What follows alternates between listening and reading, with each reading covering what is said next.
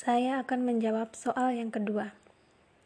Pada gambar di bawah ini, terlihat di ujung sana gedung-gedung bertingkat, sementara di ujung sini berderet gubuk-gubuk kumuh. Menurut kamu, mengapa bisa terjadi seperti itu? Jelaskan. Menurut pendapat saya, hal itu terjadi karena ketimpangan sosial ekonomi dalam kehidupan masyarakat.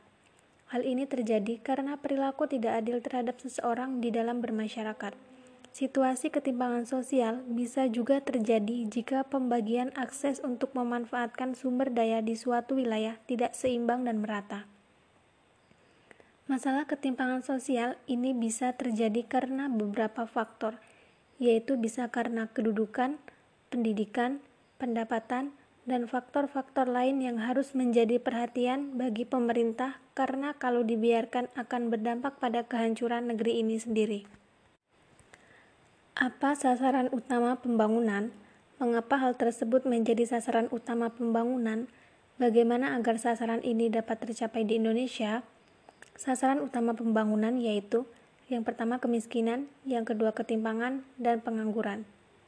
Di beberapa negara berkembang, tak terkecuali di Indonesia, pertumbuhan ekonomi yang tinggi menjadi sasaran utama pembangunan.